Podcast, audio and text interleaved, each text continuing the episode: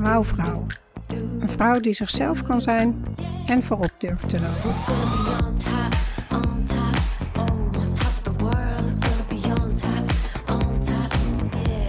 Welkom bij de podcast voor ambitieuze vrouwelijke leiders die dicht bij zichzelf willen blijven en leiden vanuit hun hart en intuïtie. Ik ben Hiltje Oude-Luttekhuis en ik wil een wereld creëren waarin je vrouw zijn geen belemmering vormt om een leider te zijn. Als huisarts, CEO van een one-woman biz, mama van vier kids en imperfecte feminist houd ik openhartige interviews met vrouwelijke rolmodellen uit de artsenwereld, wetenschap, tech en entrepreneurship. Vrouwen die voorop durven te lopen. Ook inspireer ik je met female empowerment topics om je zelfvertrouwen te boosten, zodat jij ook voorop durft te gaan lopen. Luister mee. Laat je verwonderen en uitdagen om voorop te lopen. Dit is de Wouwvrouw podcast. Laten we een nieuwe revolutie beginnen.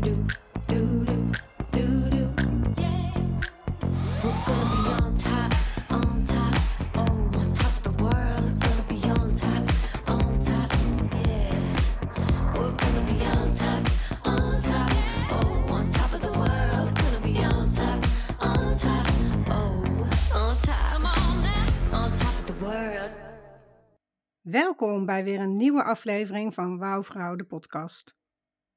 Vandaag heb ik bij me Gwenda Niele. Welkom. Ja, hi.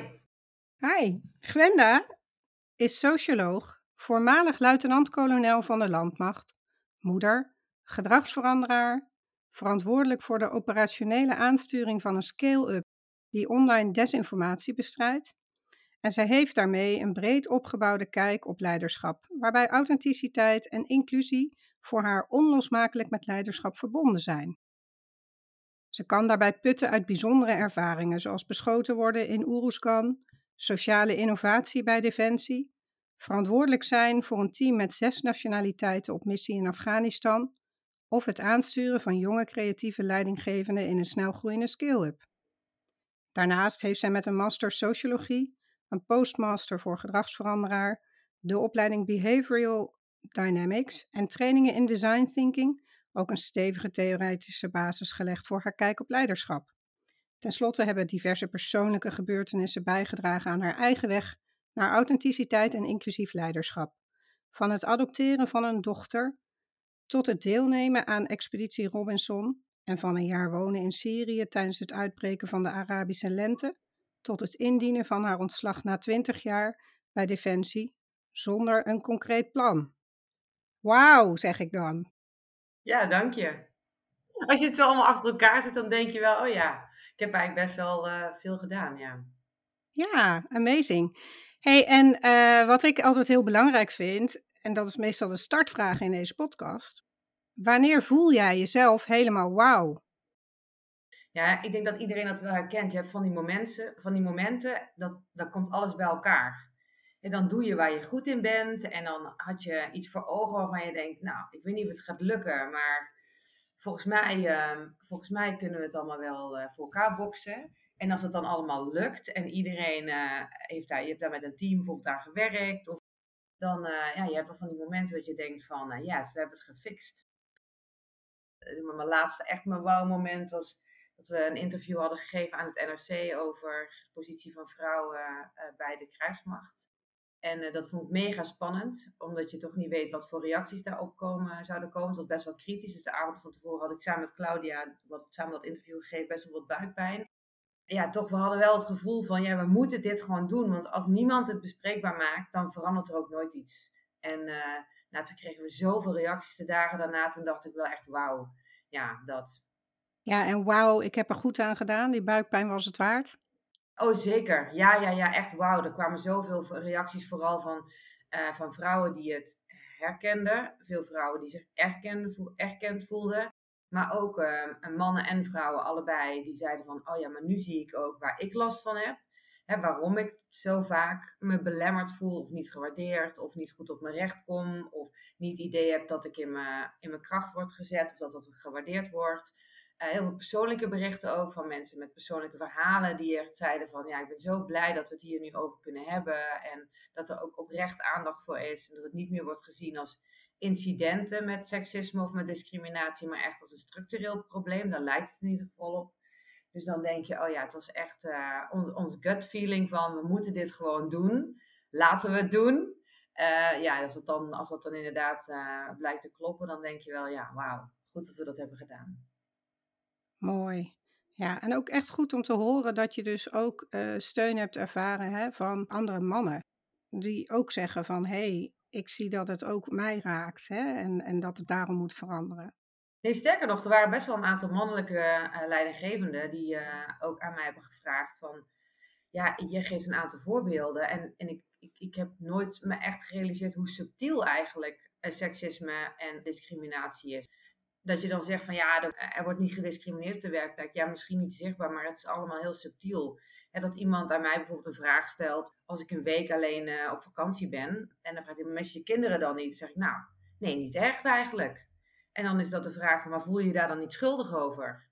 En als ik dan vraag, zou je dit ook aan een man vragen? Dan zie je met, oh ja, dus dit soort, dit soort vragen zijn echt wel oprecht uit interesse. En die komen echt heel veel voor. Maar dat maakt ook dat het eigenlijk heel subtiel is en heel sluimert. En dat, ja, dat mensen die niet, die niet vrouw zijn of niet van kleur, er ook heel weinig van meekrijgen eigenlijk. Hoe het systeem ja, vooral de mensen helpt die heel prima in een bepaald rolmodel passen. Dus ik vind het dan wel heel mooi dat ook die leidinggever naar mij vraagt van ik wil dat anders doen. Wat kan ik doen? Weet je wel? Ik ga er echt proberen meer op te letten, maar heb je concrete, concrete tips? Dus dan zeg ik vaak van, nou let bijvoorbeeld op humor die wordt gemaakt. Of, uh, of als je zelf het woord gewoon gebruikt, wat bedoel je daar dan eigenlijk mee? En als, uh, als jij denkt van, nou dat vind ik wel. Hè. We hebben bijvoorbeeld, uh, dat is een super leuke dokter bij, bij Defensie, Dr. Mo. En die heeft echt een heel tof Instagram account en is daar heel uitgesproken. Ook voor de LHBTI-community. En toen zei ook iemand van, ja, maar is dat dan nodig dat het zo, dat het zo extreem is en zo? En zeg maar wat, wat, wat maakt nou dat het bij jou een ongemak oproept? Eh, want dat zegt namelijk niks over zijn functioneren. Dat zegt alleen maar iets over zijn persoonlijkheid. En waarom is dat dan een probleem voor jou? En dat soort gesprekken te voeren met elkaar. Volgens mij ga je daarmee ook um, nou, in eerste instantie mensen hun ogen openen. En pas dan kan je er ook wat je gedrag erop aanpassen, denk ik. Dus dat vind ik wel echt heel tof. Dat het ook mannen zijn die zeggen van ja, ik zie dat wel en ik wil dat graag als uh, toekomstig leider, eh, zeg maar topleider, wil ik dat ook echt anders doen. Ik wil een verschil maken. Dus dat is wel mooi. Ja, zeker. We hadden het al even kort over. Hè. Er zijn natuurlijk waren ook wel wat reacties van vrouwen die dachten van jeetje, als jullie in een hogere positie nou, nu het moeten opgeven en eruit stappen, hoe moet ik daar dan mee dealen? En waarom ik dat aankaart, is omdat volgens mij ben je nog niet helemaal gestopt, toch? In de zin van je bent wel weg bij Defensie, maar jullie wakkeren nog steeds de verbinding aan onder vrouwen hè, bij Defensie. Of kan je daar iets over vertellen? Uh, ja, want dat, dat was voor mij wel echt het moeilijkste ook om de knoop door te hakken om te stoppen. Het is super mooi als je door de organisatie en ook door de dingen die je doet de positie van een rolmodel toch wel een beetje krijgt. Hè. We hebben best wel veel in de media geweest en ook veel vrouwen die mij weten te vinden en mannen ook wel. Maar als je dan zelf gaat vastlopen, dat je, dat je er ook heel erg bewust van bent. Van ja, maar ik heb altijd uitgedragen dat je ook authentiek mag zijn en ook een carrière kan hebben. Dat die twee dingen niet hoeven te botsen. En wat, ja, weet je wel, je kan dat wel zeggen, maar uiteindelijk als ik ontslag neem, dan laat ik dus eigenlijk zien dat het niet kan op een bepaalde manier. Dus ik denk dat ik vooral het laatste half jaar, want ik was vorig jaar na mijn zomervakantie, denk ik al dat ik, nou ja, dit, dit op het punt was dat ik dacht van ja, het gaat gewoon, het gaat gewoon niet meer. Ik, het kost me gewoon te veel energie. Maar toen ben ik wel echt gebleven voor al die jonge mensen en al die leuke collega's die verandering wilden bewerkstelligen om daarbij aan boord te blijven. Want ik dacht, ja, we zijn met zo'n klein klein groepje van, van mensen die echt verandering willen en kunnen maken. Als ik daar uitstap, dan ja, laat ik ze wel een beetje in de steek. Dus dat was denk ik ook wel waar, uh, waarom ik nog een traantje heb moeten laten na het nemen van het besluit. En daar was ja. ik wel een beetje geëmotioneerd over van, ja, sorry jongens, weet je wel, maar ik, uh, ik kies nu voor mezelf. En, uh, en ja, dus dat. En ik had het ook... Dat iemand en even, even een kleine spiegel, wat je zegt, sorry jongens. Ja, ja, zeker. Ja, maar dat zit dus echt heel diep ook. dat merk ik in mezelf ook. Ik zeg heel vaak de leidinggevende of de commandant hij. En uh, ja, dat is wel ook mijn systeem. En het is goed dat jij me dit nu, dat je mij dit niet spiegelt. Maar dat is wel zo. Het zijn wel gewoon uh, mensen waar ik mee samenwerkte, waren over het algemeen ook wel veel mannen natuurlijk. Ja, ik wou namelijk eventjes hè, de, het beeld schetsen. Hè, want je zei het is een hele kleine club die de verandering wenst. Maar überhaupt, hè, ik las in 2018 was het vrouwelijk aandeel van de krijgsmacht 10 procent. Uh, ja, dat, dat zou wel kunnen kloppen. En dan, dan heb je natuurlijk ook nog de mensen die verandering kunnen brengen. Dat zijn niet de mensen die um, op de werkvloer werken over het algemeen. En die kunnen soms wel, um, als ze samen een verschil willen maken, kleinschalig dat doen. Maar als je echt de koers van de organisatie wil veranderen, dan heb je echt wel een bepaalde rang en positie en draagvlak nodig om dat te kunnen doen. En, en dat zijn over het algemeen, zitten daar een paar vrouwen tussen, maar dat zijn over het algemeen wel mannen. Ja, en je noemde net al hè, de LGBTQ community. Zijn dat mensen die daar bij Defensie al vooruit kunnen of durven komen? Ja, dat vind ik moeilijk om te zeggen, omdat ik zelf daar niet toe behoor.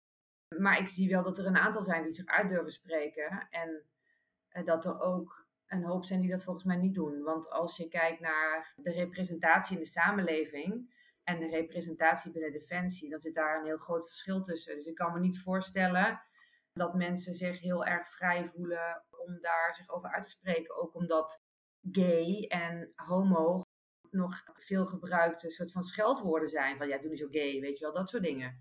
Dus um, ja, ja, nee, en, en die ligt misschien ook weer net wat gevoeliger, omdat het ook privé mag en kan zijn. Hè?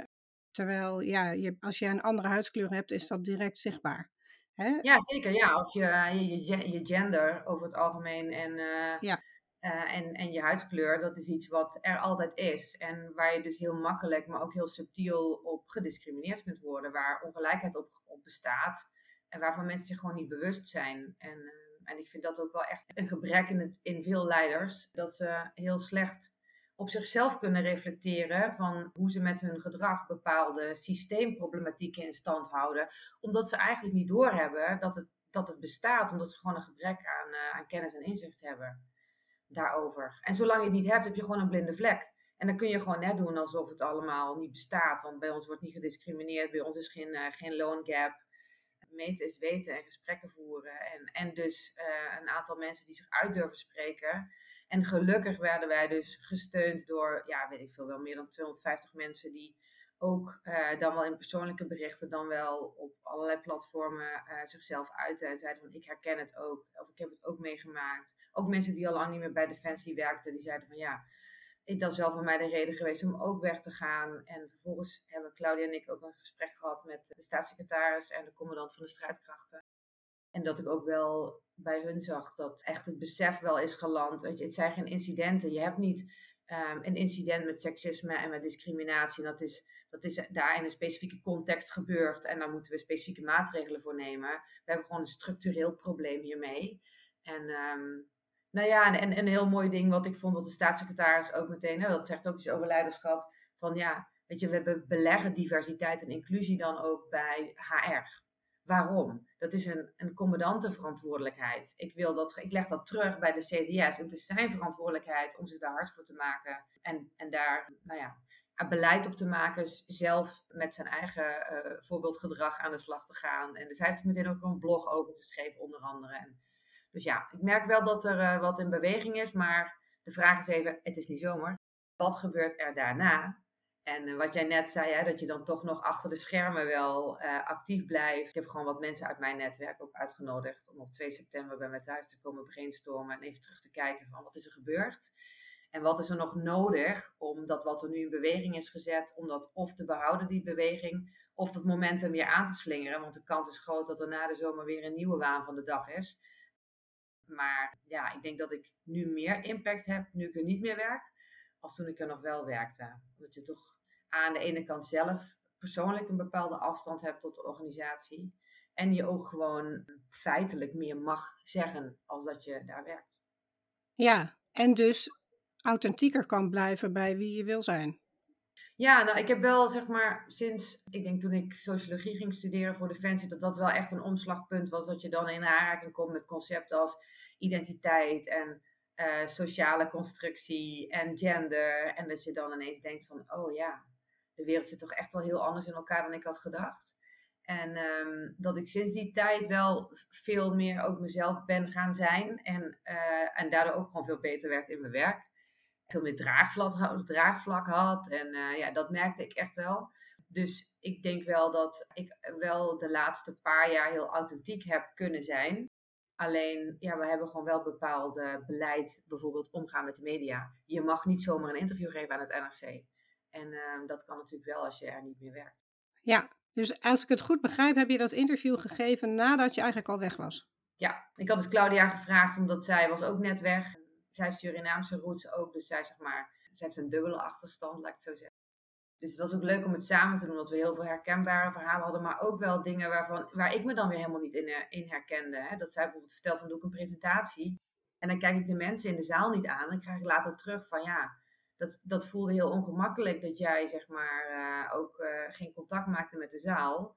En zegt ze, ja, maar dat is cultureel mij aangeleerd. Als je mensen aankijkt, is dat super onbeleefd. En dus als je dat niet weet, dan interpreteer jij haar gedrag vanuit jouw eigen um, nou ja, ervaringen. In plaats van dat te kunnen plaatsen en waarom zij dat doet. En dan begrijp je dat ook. En dan is het ook geen ding meer of zo. Dus dat vond ik zelf ook wel interessant. Want ik denk van ja, weet je, daar weet ik gewoon ook heel weinig van. Dus we doen het allemaal dat we bijdragen aan een bepaalde mate van ongelijkheid en hoe we mensen beoordelen op aspecten die eigenlijk niks met hun functioneren te maken hebben, daadwerkelijk. Ja, je hebt volgens mij ook al nog meer collega's of oud-collega's samengebracht om elkaar te versterken. Ja, ik denk dat ik ook veel te laat heb ingezien dat we het samen moeten doen. A, is het, het systeem wordt zeker bij Defensie, maar in veel organisaties in stand gehouden en is ook wel gecreëerd door, nou, zeg maar even, witte, extroverte mannen. Maar er zijn heel veel vrouwen ondertussen ook geassimileerd naar dat normbeeld, die zich daar ook, uh, die daar ook een vrij sterke bijdrage aan hebben. Misschien nog wel schadelijker dan wat die mannen doen, omdat zij eigenlijk laten zien van, nou kijk maar, als je vagina hebt, kan je ook gewoon super succesvol zijn. Ja, omdat het niks met je vagina te maken heeft, maar met het feit dat je dan heel erg masculien bent. Dus dat maakt dat jij prima in een rolmodel past. En ik heb dat dus ook een heel deel van mijn carrière gezegd van ja, maar sorry, uh, wat, wat is jullie excuus? Want mijn carrière gaat toch ook prima? Ja, omdat ik mega geassimileerd was. Ik zei het zelf. Ik zei dan over mezelf van ja, ik ben gewoon een vent in een vrouwenverpakking.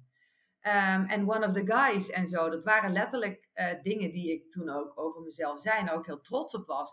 En later ging ik pas eigenlijk inzien van ja, maar dat is helemaal niet wie ik echt ben of wat ik wil zijn. Of, want ik ben geen man in een vrouwverpakking. Ik ben juist iemand die heel erg op intuïtie vaart en eigenlijk heel veel feminine talenten heeft, die ik veel te weinig benut.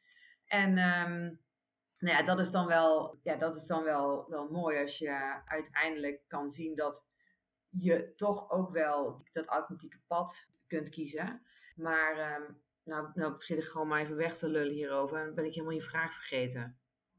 Uh, ik ben ook intensief aan het luisteren, dus ik ben er ook kwijt. uh, de vraag was, even nadenken. Uh, ja, oh, ja, nee, ja, ja, ik vroeg dat je ook andere oud-collega's hebt samengebracht. Hè? Want ik wilde eigenlijk terug naar dat stukje van. Jij hebt de strijd niet opgegeven. In de zin nee. van hè, die strijd voor gelijkheid bij Defensie. En ik doel daarmee op dat jij recent ook een bijeenkomst ergens ja. hebt gehouden hè, voor oud-collega's. Om toch een soort van verbinding te creëren dat men elkaar kan vinden. En dat... Ja, en dan kom je er, precies, want ik kwam er dus achter van, ik doe daar dus ook aan mee, dat ik vrouwen veel harder afreken. En, um, en toen ging ik het boek The Feminist Fight Club lezen en daar staat ook zo'n manifest in. Van, uh, weet je, maar je moet elkaar juist helpen. En durf andere vrouwen om hulp te vragen. En ga gewoon elke maand iets doen voor een andere vrouw. En toen dacht ik, ja, maar dat is het ook echt. We moeten niet elkaar afrekenen en ons assimileren. En dan iedereen die dat niet kan, want daarmee houden het systeem in stand. En we moeten lekker onszelf zijn en elkaar helpen om dat ook te zijn. En toen heb ik inderdaad bedacht van, nou, ik organiseer, want ik merkte in dat netwerk dat ik wel een redelijk centrale positie had. Maar ik wilde toch graag, ja, omdat ik wegga, dacht ik, nou, dan nodig ik een aantal vrouwen uit. Want als zij elkaar beter kunnen vinden, dan nou, kan ik een soort van uitstappen als, het, uh, als ik dat netwerk wat beter met elkaar verbind. En toen ja, dan ging die uitnodiging van de een naar de ander. En toen werd het vrij groot. Dus toen uh, heeft een Yes. collega, oud collega, die heeft toen inderdaad eh, haar tuin ter beschikking gesteld. Dat was superleuk. Dus ik had uiteindelijk iets van 40 vrouwen of zo op lijn laten staan van, op geboortejaar. Eh, dus dat was op zich al hilarisch, omdat sommigen echt zichzelf, net als ik, best wel jong vinden. En ik stond echt wel helemaal aan het einde zo'n beetje. En dan denk je, oh, er zitten nog zoveel. Dat was ook voor mij, dat oh, er zitten nog zoveel toffe vrouwen, zeg maar, in die organisatie. En het zou zo mooi zijn als we dat kunnen behouden. En toen heb ik de jongste helft in een binnenring laten gaan staan. En daarna de oudere generatie, zeg maar, eromheen.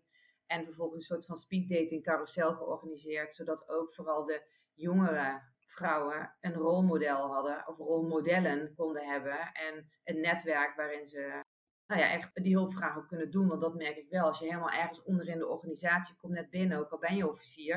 Je kent gewoon nog weinig mensen. Je bent gewoon heel erg afhankelijk van wat het systeem met je doet. Uh, dus dat je dan ook nu een aantal contacten hebt die je gewoon kan bellen, die je via LinkedIn kan benaderen, waarvan je kan zeggen van hé, hey, ik loop toch echt wel ergens tegenaan. En uh, ja, dat was zo leuk. Dus ik dacht daarna, ik richt een appgroep op, uh, Changemakers, met een plaatje van On your own, you can make a difference, but together we make change. En nou, wat er allemaal voorbij komt in die appgroep, ja, dat is wel echt heel gaaf. Dan denk je wel, ja, dit werkt wel gewoon echt. Ja. Mooi. Ja, en ik hoor daar toch ook iets terug in van hè, mentorship of sponsorship, hè, uh, elkaar Ja. versterken.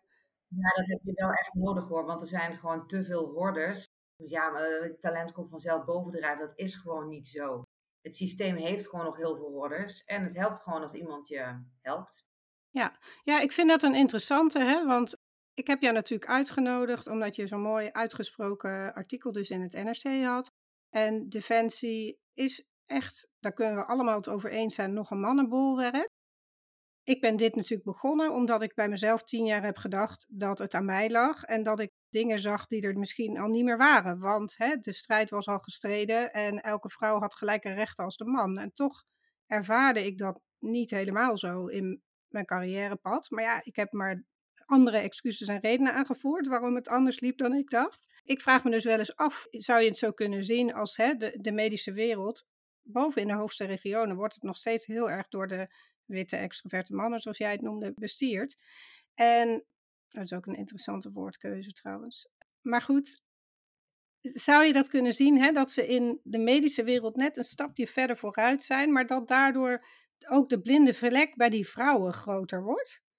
Dat weet ik niet per se, maar ik denk wel dat de neiging heel groot is als je zelf uh, succesvol bent geworden door je op een, nou ja, toch wel zeer grote mate te assimileren aan dat model. Of omdat je ook qua karakter gewoon best wel masculien bent. Hè? Want je hebt natuurlijk ook vrouwen die zijn gewoon best wel masculien van zichzelf. En passen daar wat makkelijker in dan, dan anderen. Dus ik, ik denk wel dat dan de neiging heel groot is om dan te zeggen dat het wel ligt aan omdat jij gewoon heel goed bent.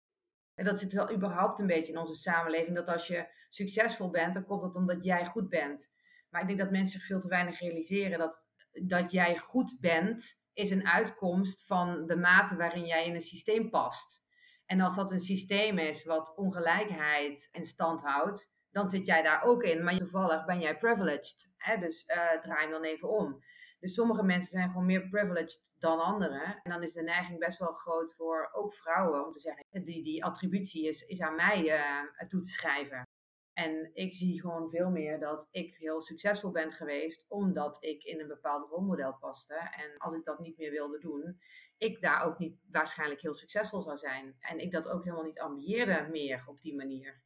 Dus ja, ja ik denk wel dat dat misschien meer een probleem is. Dat er dan meer vrouwen komen die dan toch eigenlijk, dat misschien ook wel een beetje gevaar inderdaad. Hoe meer vrouwen er zijn die, die toch wel een tot op, op grote mate, um, nou ja, misschien niet zo heel authentiek zijn. Of wel authentiek zijn, maar daarmee het idee geven aan al die andere vrouwen dat het aan hun ligt. Uh, want dat hoor ik gewoon wel ook echt heel veel. Dat, dat vrouwen ook zeggen van nou, ik dacht echt, het ligt aan mij. En ik zie nu pas dat het eigenlijk iets structureels is. Van nee, het ligt niet aan jou. En je hebt gewoon talent en je bent super slim en je doet het net iets anders. En dat zou een organisatie juist moeten omarmen om hè, meerdere blikken op een bepaalde problematiek te werpen. Ja, wat je zegt sluit wel aan ook bij wat ik eerder hoorde van Saskia Middeldorp, een hoogleraar vasculaire interne geneeskunde. die ook zei van ja, ik begon in te zien dat ik iemand ben met meer masculine kwaliteiten en dat ik daardoor het makkelijker heb kunnen halen. Maar ik vraag me af als je dus iemand bent met meer feminine kwaliteiten, hè, of je dan zo succesvol kan zijn op het pad. En dat maakte voor mij ook om dat verder te onderzoeken hier in deze podcast. En dat ik meer kon denken, oh ja, misschien ligt het niet alleen aan mij. Nee, want je hebt wel ook echt, wij hebben met z'n allen ook het idee dat leiderschap voor een groot deel uit masculine eigenschappen en karaktereigenschappen zou moeten bestaan. Terwijl je op heel veel manieren leiding kan geven. Maar het is ook wat mensen accepteren als, als een leider. Terwijl er best wel veel voorbeelden zijn waarin er leiderschap is van mannen en vrouwen, wat niet masculin is en veel meer feminine, veel meer op team zit, veel meer op gelijkwaardigheid. En die zijn ook heel succesvol. Dus ik denk wel dat daar een, een, shift in komt. Want ik, ik merk dan inderdaad bij Defensie onder andere dat introverte mannen hebben het gewoon ook best wel zwaar om uh, als een goed leidinggevende te worden gezien. Terwijl ze dat wel ook kunnen zijn. Dus dan zie je bijvoorbeeld dat zij in een team heel goed functioneren en dat het team heel blij is met zo'n leidinggevende. Maar dat de leidinggevende van de leidinggevende zegt van ja, nou je mag wel wat meer, hè, je mag wel wat steviger voor die club staan. En dit is wel het moment om je wat meer uit te spreken. En dan bijvoorbeeld in hun beoordeling terugkrijgen, bijvoorbeeld een, een matige beoordeling krijgen, omdat de leidinggevende van de leidinggevende vindt dat hij te weinig op hemzelf lijkt, hemzelf in de meeste gevallen. Nou, je krijgt bijvoorbeeld terug ook dat uh, een vrouw die dan wel eens heeft gehuild op haar werk, van ja, je kunt niet je emotioneel zo uiten waar je mensen bij zijn. Ja, hoezo niet? Ja, ja sorry hoor. Waarom niet? Maar dat dus wel letterlijk terugkrijgen op een beoordeling en in een systeem en zeg maar met een interne arbeidsmarkt, is dat wel heel schadelijk. Ja, zeker. Nou ja, en dat raakt ook wel weer aan wat eerder ook naar voren is gekomen in deze podcast. Dat, je, dat het goed zou zijn als je bepaalde competenties inderdaad als profiel ontwikkelt van nou, dan ben je een goed leider. Of daar moet je aan voldoen ja, hè, om een bepaalde functie te hebben. En niet van, oh, hij lijkt op mij. Want dat is je onbewuste stukje. Hè, dat... Ja, en dan nog, bij, bij Defensie bestaat het ook. Hè, je hebt natuurlijk functieomschrijving en er zitten ook wel competentieprofielen aan vast. Maar dat is natuurlijk heel subjectief te interpreteren uiteindelijk. Ja, weet je wel. Ehm, gaat het er dan toch om dat je ook een diverse ehm, selectiecommissie hebt. Waarin mhm. dit, deze onderwerpen ook echt op de agenda staan. Hè? Van, van waarom vinden we deze persoon dan meer geschikt? En zou het zo kunnen zijn dat het feit dat iemand wit en man en extrovert is, eraan bijdraagt dat we deze persoon als meer potentieel succesvol percipiëren, zonder dat dat echt zo zou hoeven te zijn. Ja. Hey, en als je naar jezelf kijkt, je hebt er wel even kort al iets over gezegd, maar vind jij jezelf dan iemand met meer masculine of meer feminine kwaliteiten? Of is daar een verandering in geweest? Ik denk dat ik in het begin van mijn carrière heel succesvol ben geweest, omdat ik ehm, eh, veel masculine kwaliteiten heb. Ik heb rode baret gehaald, nou, wat ik al zei, hè, dat ik dan ook echt one of the guys was. En zo voelde dat ook wel echt. En later heb ik wel veel meer ruimte kunnen geven aan ook veel meer die feminine kant. En veel meer ook op mijn intuïtie kunnen vertrouwen. Veel meer empathisch kunnen zijn naar mensen. En ook gewoon op, oprechte. Ik, ik ben altijd, ook als kind was ik al best wel nieuwsgierig en onderzoekend. En om daar ook veel meer ruimte aan te geven maar goed, ik ben wel gewoon ook een extrovert. En ik ben ook gewoon wit. Dus dat helpt gewoon wel heel erg als je in zo'n organisatie invloed wil hebben. En als succesvol te worden gezien. Dus voor mij is het wel een combinatie, uh, is het wel echt een combinatie van beide. En ja, ik denk ook wel dat sommige masculine aspecten aan mij ook maken dat ik bepaalde keuzes kan maken. Of dat ik ehm, best wel daadkrachtig kan zijn. Maar aan de andere kant nu ja, ergens in het midden of zo ben uitgekomen. Dus ja, het is wel jammer dat, dat je dan zeg maar carrière technisch hopelijk zo'n beetje op de helft zit. Dus aan de ene kant is dat goed, hè, het glas is half vol. Dus ik heb nog een halve carrière om, om daar meer gebruik van te maken. Maar dat het ook wel jammer is dat je denkt van, oh, als we jonge mensen die net op de arbeidsmarkt beginnen, in welke grote organisatie dan ook veel meer helpen om nou ja, zichzelf te mogen kunnen zijn en ook te kunnen vooral oefenen met verschillende stijlen van leiderschap en hoe je jezelf kan opstellen in een team. Daar zouden we echt zoveel burn-outs en epic organisatie-failures mee kunnen voorkomen. Ja, dat geloof ik. Ja. Is voor jou je intuïtie vertrouwen, is dat hetzelfde als het volgen van je hart? Ja, volgens mij is dat wel hetzelfde. Maar voor mijn gevoel zit het veel meer in mijn hart. Gaat het bij mij meer over liefde. En mijn intuïtie zit meer zo van in mijn gut of zo. Hè? Want ik krijg dan vaak, weet je, letterlijk buikpijn. Als ik denk van er klopt iets niet, dan voel ik dat niet in mijn hart, maar dan voel ik het meestal in mijn buik in ieder geval. Um, dus bij mij zijn dat dan denk ik toch twee verschillende dingen. In mijn hart ben ik meer geraakt als het gaat over als, als er onrechtvaardigheid is. En als het gaat over meer functioneren en, en nou ja, mensen in hun kracht zetten. In, de werkzetting heb ik vaker last van mijn gut. Dat ik denk van, hmm, dit voelt niet goed, ik krijg hier buikpijn van. Waar komt dat vandaan?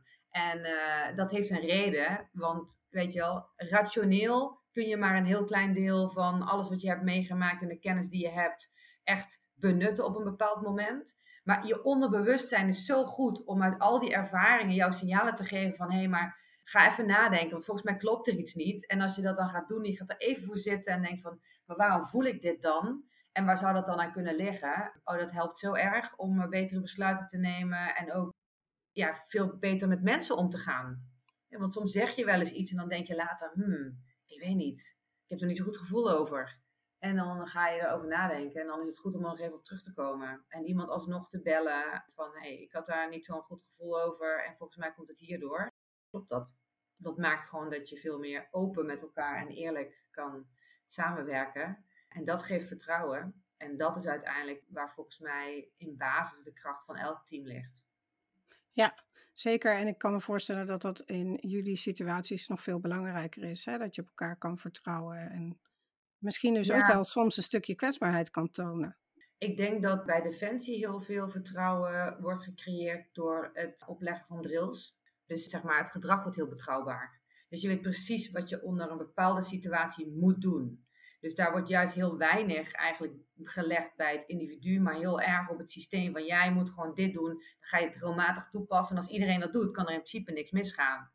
Ja, totdat iemand bevriest in een bepaalde situatie, omdat die drill niet werkt. Uh, ja, en dan is dat wel interessant wat er dan gebeurt. Maar uh, nee, dus ik denk dat uh, uiteindelijk bij Defensie, hè, wordt ook wel eens gezegd, vertrouwen is goed, controle is beter. Ja, dat is zo'n onzin. Maar dat geeft wel een beetje aan wat ook onderdeel is van, van de cultuur. En er zijn heel veel uh, leidinggevenden, vooral jonge leidinggevenden, die veel meer bezig zijn met nee, ik geef mijn mensen vertrouwen. En ja, daar heb ik dus af en toe wel buikpijn van, want ik weet niet precies wat iedereen doet terwijl ik wel verantwoordelijk ben. Maar dat is oké. Want als er iets misgaat of als zij denken dat het niet lukt, dan is dat die baas van vertrouwen, baas waarvan ze terugkomen bij mij en zeggen van, eh, luister, ik heb nu een opdracht en ik heb een probleem, het gaat niet lukken of eh, ik weet niet wat ik moet doen. Of, en zolang je niks hoort, mag je er dan dus ook van uitgaan dat het goed gaat. En je moet dat ook kunnen loslaten, weet je, ieder zijn vak. Dat is het ook een beetje. Hm. Nou, ik ben wel benieuwd met die liefde in jouw hart dan. Want er is een vaste rubriek in deze podcast. Waar gaat jouw hart sneller van kloppen? Waar gaat mijn hart sneller van kloppen? Nou, je hoeft het niet zelf te verzinnen. Het mag. Ik ben heel benieuwd wat je als antwoord geeft. Maar ik ga jou twee woorden geven. En dan wil ik van jou horen, hè, dit of dat. Oh ja, makkelijk. Als in een vriendinnenboekje. Waar gaat jouw hart sneller van kloppen? Nou, kom maar op. Chocola of wijn? Wijn. Een boek of een podcast? Podcast. Mannen of vrouwen? Mannen. Hakken of sneakers? Sneakers. Angela Merkel of Jacinda Arden? Jacinda Arden. Hart of hoofd? Hart. Mooi. Ja, en dan ben ik wel benieuwd wat je zou zeggen als je de vraag open ging beantwoorden. Waar gaat jouw hart sneller van kloppen? Buiten zijn, bewegen, lekker outdoors. Ja, dat. Mooi. Als je nou terugkijkt hè, op jouw tijd bij Defensie, wat zijn dan de uitdagingen die je als vrouw hebt ervaren? Of op bijvoorbeeld op leiderschapsniveau of binnen de cultuur? Of wat zijn de dingen waarvan jij denkt, daar moet verandering in komen? Waar ik vooral tegenaan ben gelopen, is dat veel mensen niet inzien dat er een probleem is. Waar we het eerder al even over hadden, zeg maar iedereen die invloed heeft over het algemeen, zit in de categorie privileged. En als je dus een blinde vlek hebt voor dat probleem en dan op incidentniveau zegt, ja maar dat ligt aan die specifieke context en aan die personen daarin, dan ga je het gewoon nooit veranderen. Dus dat is wel echt iets waar ik me nu ook probeer voor hard te maken, nog steeds. Van doe nou, laat nou een, een, een extern bedrijf een pay gap analyse maken. Als het er niet is, is het mooi, dan kan je naar buiten brengen, hebben we niet. Uh, maar de kans is groot dat je het wel hebt, dan kan je er ook concreet wat aan gaan doen, want dan heb je iets wat tastbaar is. En ga nou eens een keer een masterclass geven aan de top van Defensie over hoe werken eigenlijk cognitive biases? Hoe, hoe werkt dat dan, al die stereotyperingen in je hoofd? En hoe, zonder dat je je daar bewust van bent, beïnvloedt dat de keuzes die je maakt in sollicitatiegesprekken, in hoe je mensen beoordeelt? Heb bijvoorbeeld ook aangegeven, als je nou eens zeg maar, een paar maanden terugkijkt en dan naar de teksten kijkt die je op de gratificaties of beoordelingen of die je daarop hebt staan daar beloon je eigenlijk altijd mensen voor masculien gedrag. Dus dan kun je wel zeggen, we vinden feminine gedrag net zo belangrijk als masculien. Maar als je alleen maar masculien gedrag beloont, letterlijk, ehm, ja, dan, dan spreekt dat niet uit wat je doet, alleen maar uit wat je zegt. Dus dat, dat, dat gaat niet werken. Dus ja, dat heeft mij wel het meest belemmerd. Dat mensen, zeg maar, dat vermogen, die, dat kennis, dat inzicht niet hebben. En dat is dus waar, waar ik me dan nu vanuit buiten nog steeds wel hard voor maak. Omdat nou ja, met LinkedIn-posts discussies aan te wakkeren of gesprekken te voeren met collega's. Of dus nu zo 2 september weer een groep mensen bij elkaar te brengen. En te zeggen van nou, wat kunnen we dan alsnog nu weer doen om dat bewustzijn te vergroten. En ze ook te helpen met concrete, nou ja, uh, handelingsopties, zeg maar. Ja, om daar dan toch nog steeds wel wat aan te doen. Want ik denk echt dat je daar uiteindelijk ook militaire interventies veel effectiever mee gaat maken dan dat ze nu zijn. En dat we daarin ook een voorbeeld kunnen zijn voor, voor andere krijgsmachten. Mhm. En, want je noemt dus al hè, de, de onwetendheid of de blinde vlek, de onbewuste bias, de loonkloof. Waar, waar eigenlijk weinig gegevens over zijn of die er is. Hè? En recent is wel, bijvoorbeeld afgelopen jaar, is bij vrouwelijke hoogleraren wel duidelijk geworden dat daar inderdaad ook nog steeds een een loonkloof zit. Hè? Terwijl iedereen dan roept, ja nee, er is een CAO. Dus het is niet zo. En Ja, dat is ook mooi bij Defensie, want daar hebben we gewoon een vast loonhuis. En zegt nou ja, bij ons kan dat dus niet. Maar ik weet zeker dat dat er is. Uh, want je kunt ook periodieken krijgen. Je kan sneller of langzamer door je carrière heen lopen. En, en dat lijkt me ook zo mooi van. Heb dan ook het lef om zo'n analyse te laten maken.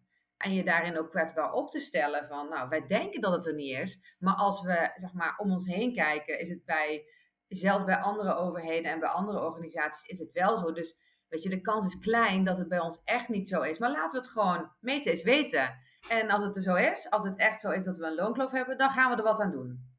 Nou, volgens mij is dat uh, hartstikke mooi als je dat zou kunnen zeggen. Ja, er wordt dan wel gezegd hè, van vrouwen durven minder te onderhandelen, dat dat misschien een oorzaak is. Hoe kijk je daar tegenaan? Ja, dat kan ik wel vanuit wat ik om me heen zie wel bevestigen. En dat vrouwen vinden dat gewoon moeilijker, omdat, maar, dat, maar ook dat is in grote mate ook aangeleerd gedrag. Ja. Vanuit onze jeugd al dat meisjes over het algemeen toch wat meer verantwoordelijk worden gehouden voor sfeer en leuk doen en gezellig. En jongens mogen stoer en die mogen wat meer zeggen. En dus ik denk wel dat er een heel groot deel van dit is niet in organisaties, maar zit gewoon ook in onze samenleving en hoe we onze kinderen opvoeden. En dat nog steeds tegen jongens wordt gezegd als ze huilen van kom op joh, je bent geen meisje. En daar krijgen we dus later leiders die heel moeilijk bij hun eigen intuïtie kunnen, omdat ze een hele jeugd vanaf klein af aan al hebben afgeleerd om connectie te maken met hun emotie. En datzelfde geldt ook met voor meisjes, die uh, toch eigenlijk al vanaf heel klein, vooral door de samenleving en in hun opvoeding, ja, toch wel vooral zorgzaam en lief en leuk en gezellig en dat allemaal meekrijgen. Ja, en dan zie je dus dat in een werkomgeving vrouwen zich sneller geneigd voelen om koffie te halen dan een man. En dus ook meer problemen hebben met het voeren van een onderhandelingsgesprek en dat heel zakelijk te doen, omdat over het algemeen vrouwen verantwoordelijk worden gehouden voor de sfeer. En dus is een zakelijk gesprek over je salaris, en dat is niet iets wat je doet op relatie, dat is gewoon iets wat je doet op de inhoud. En dan ga je ook zeggen over jezelf, ja, maar ik ben gewoon goed in wat ik doe. En dat vinden vrouwen ook gewoon moeilijk. Ja. Toevallig pas nog iemand die zei, ik heb, wat zei die nou? het is niet vaak dat ik iemand, iemand die, uh, die toch wel een beetje arrogant is, zo aardig vind. En dacht, ja, maar ik ben niet arrogant. Ik gedraag me gewoon net zoals heel veel andere mannen. Maar ik ben gewoon goed in een aantal dingen. Maar als ik dat uitspreek, dan ben ik snel arrogant. Ja, dat is dan maar zo. Toen dacht ik, ja, dit is wel gewoon, weet je wel, dit zit gewoon wel ook een beetje in hoe, hoe we naar elkaar kijken. En ik denk dat het goed is dat mensen daar inzicht in hebben hoe dit werkt. En dat we toch in onze samenleving jongens en meisjes op een bepaalde manier positioneren al van wat we van hun verwachten als ze heel klein zijn. En dat probeer ik in ieder geval met mijn kinderen, voor zover ik daar überhaupt invloed op heb, om me daar heel bewust van te zijn. Ja, kan je daar een voorbeeld van geven? Oh ja, ja, ja hoor. Nou, bijvoorbeeld ook zeg maar de keuze om te scheiden, om te stoppen met werk na twintig jaar en iets volledig anders te gaan doen zonder plan. Dat gebruik ik ook wel echt om met de kinderen te bespreken. Van ja, weet je, dat je ooit een bepaalde keuze hebt gemaakt in je leven. Wil niet zeggen dat je daar dan altijd maar bij moet blijven. Als jij daar niet blij van wordt. Want jij bent niet verantwoordelijk voor iemand anders zijn geluk. Weet je wel, je, moet, je kunt uiteindelijk, ja, zul je toch moeten, je eigen keuze moeten maken en je hart moeten volgen. En doen waar jij blij van wordt. En dan zeggen mensen van ja, het is zo verschrikkelijk voor de kinderen als je gaat scheiden. Nou, dat is helemaal niet verschrikkelijk. Kijk, ik kan niet uitsluiten dat zij verschrikkelijke dingen gaan meemaken. Wat ik wel kan doen is zorgen dat zij een manier vinden om daar op een goede manier mee om te gaan. En want er gaan uiteindelijk mensen dood en dan gaan mensen ziek worden en ze gaan verschrikkelijke dingen misschien wel meemaken.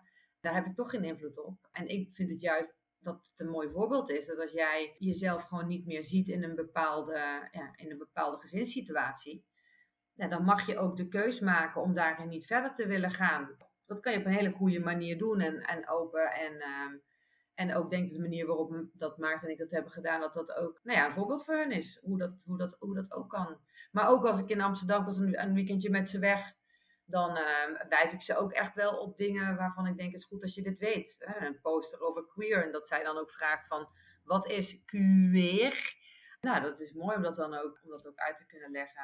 En, eh, dus ik probeer me daar wel echt heel, heel bewust van te zijn. En zo ook bijvoorbeeld gesprekken met ze te hebben. Hoe oneerlijk het is dat wij vinden dat jongens geen jurken mogen dragen. Ja, mooi. Of dat meisjes die op rugby zitten, dat ze dan zeggen, het is een jongenssport. En dat, uh, ja, zeker de oudste is acht, die heeft dat nu wel best wel door. Dat, uh, nou ja, die is zich daar toch wel meer bewust van dan anderen. Dat er best wel veel dingen gebeuren die eigenlijk heel oneerlijk zijn. Uh, waar helemaal geen echte goede reden voor is. Nee, nee, zeker.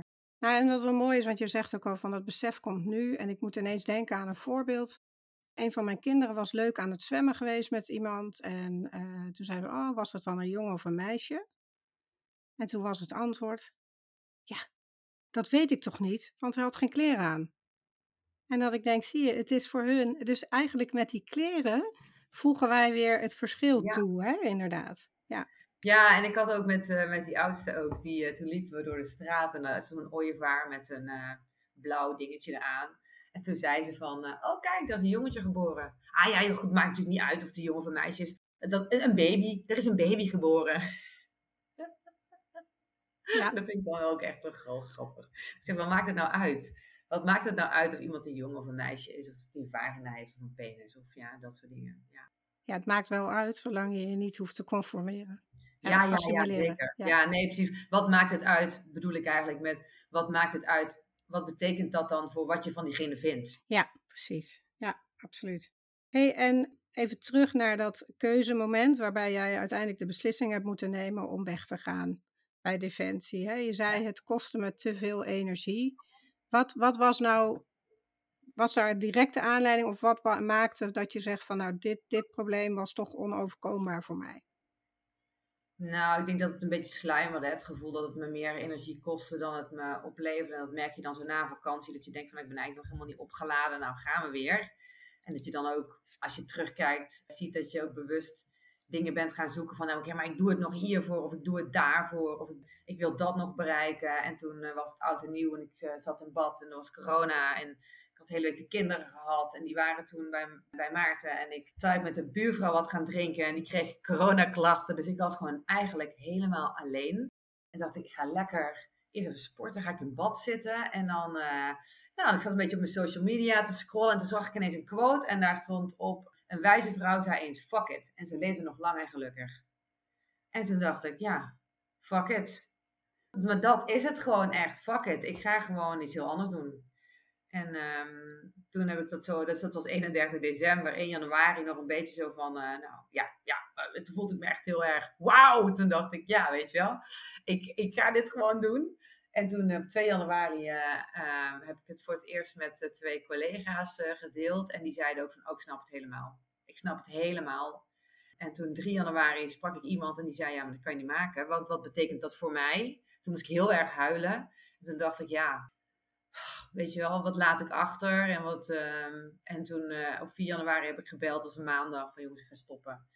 En uh, nou ja, zo ging het een beetje. Eh, eigenlijk een uh, tijdsbestek van vier dagen was het uh, done deal. Ja, en inderdaad, ja, het past bij wat je zegt van je bent niet verantwoordelijk voor het geluk van een ander. Hè? Uiteindelijk kan je alleen je eigen pad kiezen. Ja. En jezelf proberen gelukkig te maken en vol energie te houden. Ja. Ik ben eigenlijk wel benieuwd hoe jullie, in ieder geval ook toen jullie getrouwd waren, maar misschien ook wel nu je gescheiden bent, hoe jullie die uh, werk- en thuissituatie gecombineerd hebben met kinderen. We hebben eigenlijk sinds dat de oudste vijf maanden was een au pair. Dat kwam ook vooral omdat toen ik zwanger was, werd mij aangewezen voor een militaire missie naar uh, de Golf van Aden. gingen vier, vijf maanden varen. En zei ik, ja, maar ik wil niet dadelijk met een baby van vijf maanden. Ik wil gewoon ook kunnen werken en leuke dingen kunnen doen voor mezelf. En niet dan die vijf maanden alleen maar bezig zijn met worstelen. Hoe krijg ik het allemaal geregeld? We gaan gewoon een au pair nemen dan. En uh, we zaten toen ook al in een adoptieproces. Dus toen hadden we ook het idee van, nou, iedere keer een Spaanstalige au pair nemen. Dan, uh, want we wisten al dat we uit Nicaragua wilden adopteren. Dan kunnen we ook op die manier die taal in ons huishouden brengen. Dus we hebben eigenlijk sinds, uh, nou, al zo'n jaar, zo'n jaar of acht, elk jaar een au pair. En dat is super leuk. Dus elke jaar een andere, een andere dame. En zo lossen wij dat een beetje op om heel veel van de zorgtaken, het naar school brengen, de broodrommel smeren, s ochtends naar sport brengen, om, om daar een deel van uit te besteden. En uh, dan hou je in het weekend veel meer quality time over. Iemand die voor jou de boodschappen doet of uh, zorgt dat de boodschappen die bezorgd worden in de koelkast staan. Dat is toch wel heel fijn. Ja, en dan heb je meer tijd over om met je kinderen te zijn. Ja, precies. Want zo zeggen mensen van ja, maar wil je dan niet zelf verantwoordelijk zijn voor de opvoeding van je kinderen? Nou, wij zijn heel erg verantwoordelijk voor de opvoeding van de kinderen. Maar uh, van heel veel zorgtaken word ik doodongelukkig. Bijvoorbeeld bij het zwembad zitten waar je toch niet mag kijken ja, dan uh, ga ik daar niet mijn uh, zure tijd aan besteden. Ja, helder. hey, en we hebben tot nu toe veel natuurlijk gehad over leiderschap. Wat zijn voor jou de, de kwaliteiten van een goede leider? Wat mij betreft zijn de kwaliteiten van een goede leider iemand die intrinsiek gemotiveerd is en zichzelf goed kent. Iemand die weet waar hij goed in is, maar ook waar je niet goed in bent. En die dus wil blijven leren en zichzelf daar kwetsbaar in durft op te stellen. Iemand die visie heeft, die weet waar je dan, leuk dat je leider bent, maar waar ga je dan naartoe? Dus die ook duidelijk richting uh, kan geven. En in staat is om een, daarvoor het juiste team samen te stellen. En daarvoor heb je dan weer empathie nodig en oog voor mensen om te zorgen dat iedereen daar ook optimaal zeg maar, zijn bijdrage aan kan leveren. Dat is een beetje een nutshell, denk ik, hoe ik dat zie. Mooi. En wat denk je nou dat er specifiek nodig is om meer vrouwelijke leiders bij Defensie te krijgen? Beleidsinterventies, denk ik, op korte termijn. Uh, ook al zijn die impopulair, maar mensen dwingen. Want je hebt bepaalde massa nodig om een verschil te kunnen maken. Een quotum bedoel je eigenlijk? Ja, bijvoorbeeld een quotum, ja, ja hoor. Ja, of meer bevorderingsruimte voor vrouwen. Als er een vrouw is, dat die sneller bevorderd kan worden, bijvoorbeeld, als je een bepaalde voorwaarden voor doet ik denk dat er daar beleidsmatig wel wat nodig is. Veel meer op, op inzicht. Hè? Dus dat mensen eh, weten van het bestaan van cognitive biases en hoe stereotypen je eigen gedrag beïnvloeden. Ik denk dat mensen daar niet alleen betere leidinggevende van worden en betere collega's, maar ook gewoon een beter mens in de breedste zin. En dat helpt onze samenleving ook, denk ik, als je daar als organisaties in investeert. En vrouwen die elkaar helpen. Ja, want wat kunnen de vrouwen zelf doen? Ja, je kan dus heel veel doen uh, je jongere collega's of het een keer uitnodigen voor de koffie om te vragen hoe het gaat. Je kunt zelf een hulpvraag doen en uh, jezelf daar overheen zetten van, nou oké, okay, ja, ik weet het niet. Het is niet allemaal zelf uit te zoeken. En degene die hulpvragen hebben, om die dan ook te helpen. Mannen spiegelen of vrouwen die antifeministisch, oftewel seksistisch gedrag vertonen. Of die seksisme eigenlijk uh, bevorderen. Het is een mooie quote van, zullen we stoppen met vrouwen die gelijkheid promoten, om die feminist te noemen, maar gewoon iedereen die dat niet doet, seksist te noemen. En dacht ik, ja, dat lijkt me wel een goeie. Uh, dus dialoog voeren over het onderwerp. Um, nou ja, dat, dat, ik denk dat dat wel, wel allemaal gaat helpen. Ja. Nou ja, omdat hè, ik kan me voorstellen vanuit die laten we het dan over zo zeggen. Ik ben, ik ben zelf niet zo van de hiërarchie, maar die is er natuurlijk.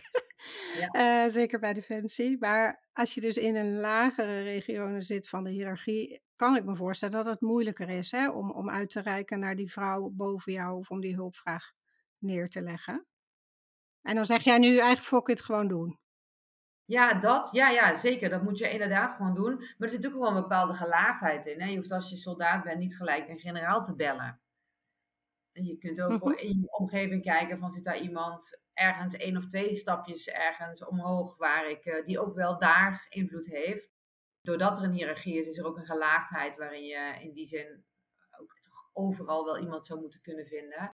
Maar niet iedereen staat ervoor open. En ik denk dat dat ook de rol is, vooral nou ja, van degenen die wel heel zichtbaar zijn, om te laten zien dat je benaderbaar bent en dat je daar hard voor maakt en dat mensen bij je terecht kunnen en dat je ze ook daadwerkelijk helpt. Uh, want dat heeft gewoon wel heel veel effect. Ik heb heel een appje van iemand die van ja, ik hoorde via via uh, dat jij die en die en die met dit en dit had geholpen en ik heb iets vergelijkbaars. Kan ik je even een keertje bellen? En als je dus die burden ook met z'n allen kan delen. Want je kan niet, als je maar drie rolmodellen hebben en niet de hele organisatie gaat die drie mensen bellen. Ja, dan ga je niet weinig kunnen doen voor die mensen. Want je kan niet elk individueel probleem gaan oplossen. Ja, en accepteren voor onze generatie vrouwen dat wij, hoewel we hadden gehoopt en gedacht en gewenst misschien wel dat het werk gedaan was, dat we echt nog heel veel werk te doen hebben. En dat als wij ons er niet hard voor gaan maken, de generatie onder ons dat nog een keer moet doen. Dus ik denk dan ook van, ja, weet je, laten wij het dan met z'n allen maar gewoon nu ervoor gaan. En ja, dat is soms hard werk. Het is niet altijd leuk, uh, maar het is wel super nuttig. Ja, en uh, ik doe het voor mijn zonen en dochters. Ja, Nee, absoluut, ja. Nee, ik denk dat dat, dat, dat, is, een, dat is een mooie toevoeging. Ja, ja. Hoe ziet jouw leven er over vijf jaar uit? Oh, ik heb echt geen idee. Maar serieus, oprecht geen idee. Als je me dat uh, vorig jaar had gevraagd toen ik nog bij Defensie werkte, had ik daar waarschijnlijk een wat beter beeld van. Maar nu uh, zit ik gewoon in een fase dat ik doe wat ik leuk vind. En dat kan nog tot heel veel verschillende dingen leiden. Dus ik weet niet. Maar ik ga ervan uit dat ik iets doe waar ik heel blij van word. Ja, Mooi. Als je kijkt naar jouw eigenschappen, hè? Dit, was, uh, dit is de verrassingsvraag. In welk dier komen jouw eigenschappen samen? Of wat is jouw spirit animal? Welk dier zou je willen zijn? Ja, oh, ik zie echt, echt een verrassing op je gezicht. nee, het is een beetje omdat dan denk je van ja, weet je, dat had ik denk ik vroeger, denk, toen ik heel jong was, toen zei ik al van ik zou een dolfijn zijn. En, en later, zeg maar in het begin van mijn carrière, had ik waarschijnlijk gezegd: nee, ik ben een pitbull. En nu denk ik: nee, maar ik ben wel echt een dolfijn. Iemand die blij is en positief en goed kan samenwerken, slim is. Uh, ja, ik denk dat dat dan toch, dat het dan toch wel goed past. En dat ik dat eigenlijk van heel kleins af aan altijd wel heb geweten dat ik, dat ik eigenlijk een dolfijn was. Ja. Mooi. Ja, Um, ik ben even aan het denken. Zijn er dingen waarvan je zegt, die, die wil ik nog toevoegen? Of daar, daar kan ik me nog verder over uitweiden? Nou, volgens mij hebben we het over de meeste onderwerpen, leiderschap en authenticiteit. Nou, hebben we het allemaal wel eens een beetje gehad. Ik heb op dit moment niks meer toe te voegen, denk ik. Ik vond het een mooi gesprek. Zeker. hey, en waar kunnen mensen, want je noemde vaker al LinkedIn, daar ben je het meest actief, denk ik. Waar kunnen mensen jou vinden? Ja, op LinkedIn. Bijdragen aan de discussie graag. Nu weer uh, had Chris opgezet over het bloot op de Olympische Spelen. En het verschil tussen het bloot van mannen en vrouwen in, in de pakjes die ze dragen. En daar zitten ook weer hele interessante opmerkingen tussen van mensen die dan zeggen van ja, maar vroeger waren het alleen maar naakte mannen. Dus toen waren ze helemaal naakt. En met voorbeelden komen van dat Hassan dus dan wel in bedekkende kleding loopt en de rest niet. Dus als je dat echt wil, dat het dan heus wel kan. Uh, maar dat is niet het punt. Het gaat erover dat er commissies zijn die bepalen hoe kleding eruit ziet, al van oudsher. En dat daar gewoon seksisme in zit, waarbij vrouwen over het algemeen veel bloter gekleed gaan dan mannen. En ik vind het leuk als mensen aan dit soort artikelen bijdragen aan de discussie. En vooral ook helpen om mensen die uh, dus het inzicht niet hebben dat hier een systemisch probleem achter zit, om die uh, met uh, artikelen en opmerkingen gewoon te helpen daarin. Ja, hoe, ik vind het wel grappig. Hoe kijk je dan aan tegen het mannen- en het vrouwenuniform? Of is dat passé in, in, bij Defensie? Nee, bij Defensie gewoon heel makkelijk. Je hebt een mannenuniform en dat was voor vrouwen. En pas later is er, zeg maar, dus het werkpak is gewoon hetzelfde. daar heb je juist dat dat die dus die broek hebben ze dus elastieken of een soort van zo'n uh, klittenband aangemaakt, zodat ja, voor en mannen met bierbuiken en, en voor, nou, dat voor iedereen uiteindelijk, vrouw met een slankere taille, dat dat allemaal past. En het, uh, het vrouwen, zeg maar, het dagelijks tenue met dat jasje en die kokerrok en met die hakken, ja, het is natuurlijk ook gewoon, ja, het ziet er gewoon conservatief. Ja, het is uh, wat dat betreft het zit niet zo comfortabel, maar ik geloof niet dat het mannenpak veel beter zit. En die schoenen ook niet veel beter lopen. Dat is dan wel heel eerlijk. Die, die pumps van die vrouw zitten voor geen meter, maar die schoenen voor die mannen zijn ook echt zo slecht. Daar kunnen ze ook niet op lopen. Dus. Oh, daar, kunnen ze op, daar kunnen ze vooruitgang op boeken. Nee, ja, wat ik me dus afvroeg van... Ik las ergens dat juist door het aanbrengen van een mannen- en een vrouwenpak, dat je dat verschil benadrukt. Aan de andere kant, ja, als je dus alleen het mannenpak hebt, dan doe je weer geen recht aan het verschil. Nou ja, je hebt voor vrouwen heb je dus inderdaad wel gewoon ook een. Je hoeft, niet, je hoeft die rok niet aan. Hè? Je hebt ook gewoon een broek uh, en een jasje. Wat dan zeg maar meer op vrouwelijke fysieke vormen gemodelleerd is. Maar dat zit voor geen meter. Dat, ja, weet je wel, ik denk dan. Laat dan een vrouw het vrouwenpak maken en het man het mannenpak. Want een vrouw weet gewoon wat lekker zit. En dat er een BH onder moet. En dat je dus niet een witte blouse die doorschijnt, dat dat dus niet handig is. Want dan moet je altijd rekening mee houden. Van, oh ja, wacht, weet je wel, dat soort dingen. Dus, uh... en dan klagen dat je iemand zijn BH ziet. ja, ja, nou, ja, precies. Van, ja, ja, ja, dat ja. Oh, wat ordinair. Zij is zo ordinair. ja. Oh, hey, en wat is je LinkedIn-naam? Uh, Gwenda Nielen. Is er nog een ander plekje waar je zegt van nou daar kun je me ook nog vinden of is dit de beste? Nee, dat is gewoon het beste. En ook uh, omdat het daar eigenlijk altijd over de inhoud gaat.